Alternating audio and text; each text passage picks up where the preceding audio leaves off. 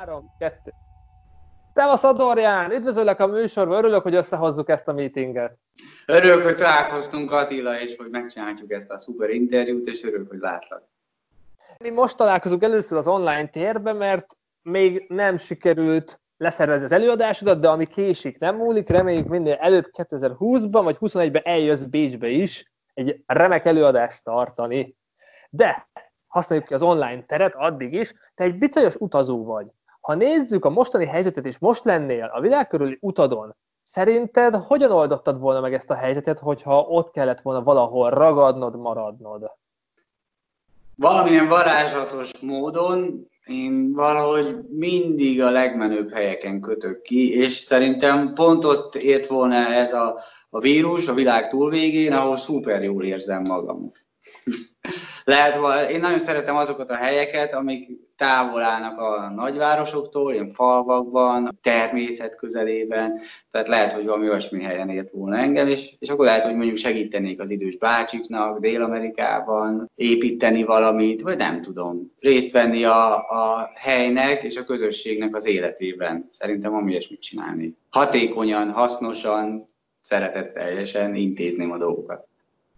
Nagyon tetszik ez az improvizációs habitus, ez a hozzáállás, az utazóknak muszáj, hogy ez meglegyen, hogy van egy szituáció, ehhez alkalmazkodni kell, valahogy reagálni kell. Az utad alatt volt amúgy nem ilyen szintű, de körülbelül hasonló helyzet, amikor azért a külső tényezők meghatározták, hogy valahol maradnod kell, vagy közbeszóltak az utad alatt?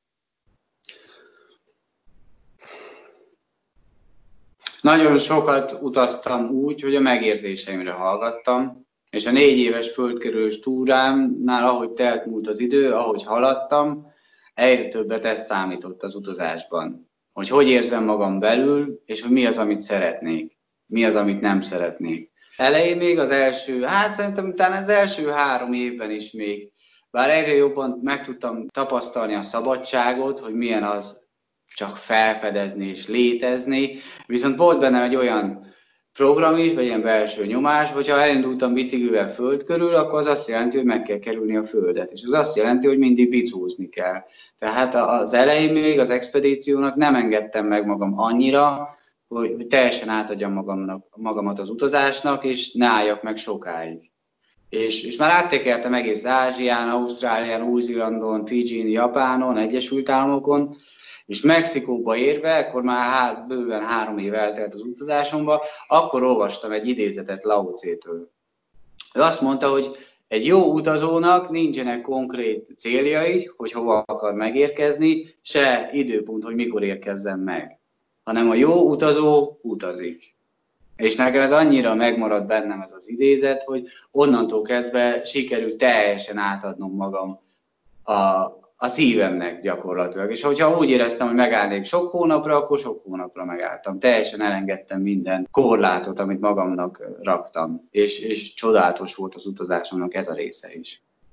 Akkor, ha jól értem, csak magadnak mondtad azt, hogy akkor most itt megállok hosszabb időre, de nem volt, tegyük fel, olyan szituáció, környezeti katasztrófa, polgárháború, bármi ilyesmi, ami azt mondta, hogy na most itt maradnom kell egy külső tényezőnek köszönhetően.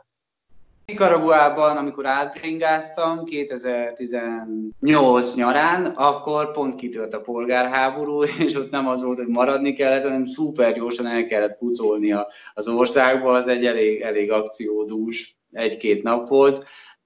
Máshol nem találkoztam ilyennel, hogy milyen karantén vagy bármilyen miatt, azt mondták, hogy itt maradnunk. Ja, hát egy, egy szituáció volt mégis Attila, igaz? Amikor én úgy indultam 2015-ben erre az expedícióra, hogy Szabó Ádám barátommal indultunk el együtt, aztán nagyon sokáig együtt utaztunk, de volt olyan rész is, amikor külön utaztunk. És Indiába fél év alatt tekertünk el, majd átbicóztunk egész Indián és Nepálon, és vissza Indiába, és a kelet felé haladtunk. És elértük Indiának a keleti határát, aminek a szomszédos országa Myanmar, az egykori Burma. És mielőtt odaértünk a határhoz, pár nappal, talán vagy pár héttel ezelőtt valami nagy lázongások voltak Myanmarban, a, a buddhisták és a nem tudom melyik a katonai párt összeveszett, és volt valami robbantás, meg ilyesmi, és lezárták a határt. Ez egy Moré nevezetű kisvárosban volt, és egyébként úgy tudtam négy évig utazni, hogy szinte sose költöttem szállásra, hanem vagy helyi embereknél aludtam, vagy mentőknél, tűzoltóság, rendőrség, templomokban, és itt Moréban, egy szik templomban találtunk ingyenes szállást, mert azt mondták a határőrök, hogy most le van zárva a határa a külföldieknek, viszont lehet, hogy holnap vagy holnap után megnyílik. És akkor vártunk egy-két napot itt a, ebben a templomban, visszamentünk a határátkelőhöz, megint zárva volt. Megint vártunk egy-két napot, megint visszamentünk, megint zárva volt, és eltelt vagy két hét, és, és semmi nem történt, ugyanúgy zárva maradt a határ, Úgyhogy vissza kellett bicikliznünk és utaznunk Moréból át fél Indián, Kalkuttába, és onnan egy gyakorlatilag egy kényszerrepülést kellett csinálnunk, és átrepültünk Kalkuttából Bangkokba, Tájföldre, és onnan egy másik határátkelőn már be tudtunk jutni Myanmarba. Még az visszafelé volt gyakorlatilag a térképet nézve, viszont nagyon nehéz volt megszerezni a vízumot Myanmarba, és mindenképpen szerettünk volna ellátogatni, úgyhogy ez egy ilyen visszafelé köröcske volt, és talán egy hónapot bizóztunk Myanmarban is, és fantasztikus volt. Tehát ez egy olyan dolog volt, amit kérdezti, hogy két hétig megálltunk egy helyen, hogy engedjenek már, engedjenek már, engedjenek, aztán nem. Ez Béter ha egy visszagondolsz, négy év azért az nem kis idő, hogy más kellemetlenség, kihívás, ami újra tervezést kívánt tőled, tőletek, olyan volt még esetleg? Nagyon sok szerintem, nagyon sok. Nem feltétlenül olyan, hogy ilyen több hétig elhúzódó, volt egy csomó életveszélyes része az utazásnak. Leginkább nekem a a természet miatt. Például Ausztráliában volt egy olyan szakasz, amikor én Nyugat-Ausztráliában landoltam, Baliból, ugye ott is repülnöm kellett, és Perth nevezetű városba érkeztem, hogyha ez Ausztrália, ez nyugat, ez kelet, ez észak, ez dél, akkor Perth valahol itt van, Melbourne itt van, Sydney meg itt van. És én Perthből szerettem volna Sydneybe át biciklizni. És itt a Dél-Ausztrália és Nyugat-Ausztrália között van egy hosszú szakasz, amit úgy hívnak, hogy a Nálabor Plain, Nálabor síkság, ami gyakorlatilag egy sivatag. És ott nincs semmi, nincsenek városok, települések, hanem, hanem csak a, a végtelen, a Isten háta mögött úgy hívják, Outback. És ott, ott volt többször olyan, hogy lefeküdtem éjszaka sátramba valahol az út szélén, és annyira feltámadt a szél, hogy menekülnöm kellett a sátorból, mert ha benne maradok, akkor vagy szétroncsolja az egészet a, a szélvihar, vagy pedig belefúj az óceánba. Aztán ugyanezen a helyen volt olyan is, ebben a Nálaból síkságban, hogy hatalmas záporba keveredtem, szintén este. És olyan 100-200 kilométerenként ebben a hosszú sivatagi részen vannak benzinkutak, de akkor is nagyon messze voltam még a következő benzinkúttól, és már vagy 5-6 órát tekertem aznap, esélytelenek láttam, hogy még éjfélkor fölkeljek szakadó esőbe, és, és elinduljak a csontsötétbe. Úgyhogy az is egy tök necces szituáció volt, hogy kuksoltam a sátramba, már olyan durván esett az eső, hogy alapból vízálló a sátram, de hogy elkezdett beázni oldalról, meg közben fújt a szél, és az összes rongyommal így elkezdtem föltörölgetni a vizet, és ez zajlott szerintem 11-től hajnali kettőig, és folyamatosan imádkoztam, hogy álljál léci, álljál léci, és, és teljesen erő, ez egy nagyon erőteljes megélések, amikor egy ilyen életveszélyes szituációban vagyunk, és hajnali kettő körül elállt az eső, és akkor is szuper, megnyugodtam, lefeküdtem aludni, és reggel, amikor felkeltem, képzeld már sütött a nap, így éreztem a nap sugarait, és az volt az első gondolatom, hogy túléltem az éjszakát. És emiatt nagyon, nagyon sokat tanítanak ezek a nehéz helyzetek nekünk. Már nem, nem, nem arra gondoltam, hogy kiírt Facebookon, vagy tudom én, hanem teljesen más minőségi gondolatokkal kezdtem a napot, hogy új napra kaptam lehetőséget, hogy micsoda hála ennyi élményed van, ennyi tapasztalatod van a négy év alatt, meg valószínűleg korábban is utazgattál. Előadásokat mikről szoktál tartani, vagy hogy, mi a konstrukció, mi a tematikád az előadásaidnak? Úgy szeretek előadni, hogy éltetni a, a spontaneitásomat, rácsatlakozni a közönségre, de nincs egy ilyen konkrét sorvezetőm, hogy most Tizedikén itt voltunk, tizenkettedikén itt voltunk, huszadikán itt voltunk, rá is fókuszálok a közönségre, és jön, jön, imádok előadni, mert nagyon természetesen működik, az, az nekem szeretem, és akkor szoktam képekkel, meg videókkal készülni, és, és az adott képhez, meg a videóhoz azért elmesélem a hozzátartozó történetet, de ez mindig kicsit más meg más sorrendben csinálom néha, vagy vannak egy koncepciók néha, például amikor most február végén voltam a Járatlan Utakon Fesztiválon, ott a, arról az volt az előadásom címe, hogy itt aludtam az éjszaka. És akkor meg arról szólt az előadás, hogy az 1473 nap alatt, amíg expedícióztam, milyen különleges, különböző részeken aludtam, és e, ezt így megfűszereztem azzal is, hogy, hogy mások mit tudnak ebből tanulni. Például, hogy 39 országban bicikliztem, és minden egyes országban egy csomó jó fejemberrel találkoztam.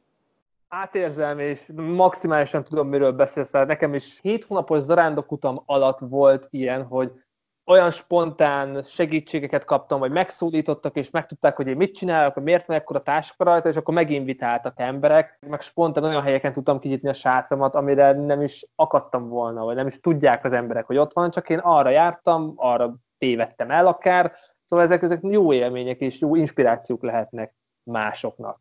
Ez volt a régi utazásod, Jövőben van terved, vagy jelenleg a nyáron is mentél, mennél valamerre? Biztos, hogy lesz még egy csomó utazás az életemben, és azon kívül így örülök neki, hogy most nem kell utazni. Ez tök érdekes, valószínűleg nem sok embertől hall ilyet valaki. Én tavaly nyáron érkeztem haza, és onnantól kezdve egy csomószor hívtak előadást tartani, meg tévébe, rádióba, mindenhova így bekerültem, tehát azért akkor is mentem, egészen odáig, amíg be nem kezdődött a karanténnek az időszaka. Én nem tudom, 40 valány előadást tartottam szerintem. És egyébként nagyon élvezem, hogy, hogy itthon vagyok, és hogy nem úgy kezdődik a napom, hogy össze kell szedni a sátrat, a hálózsákot, az menni, az ismeretlenbe megint, az is nagyon szuper, és a négy év azért elfárasztott lelkileg, ez sok idő. Úgyhogy jelenleg úgy érzem, hogy még tök jól érzem magam itthon, és azzal foglalkozok, amit szeretek csinálni. Most, a, amit, be, amit sokat megtapasztaltam az út során, azt így, így továbbadom, azzal foglalkozok. Online tréningeket tartok magabiztosságról, hogyan valósítsuk meg az álmainkat,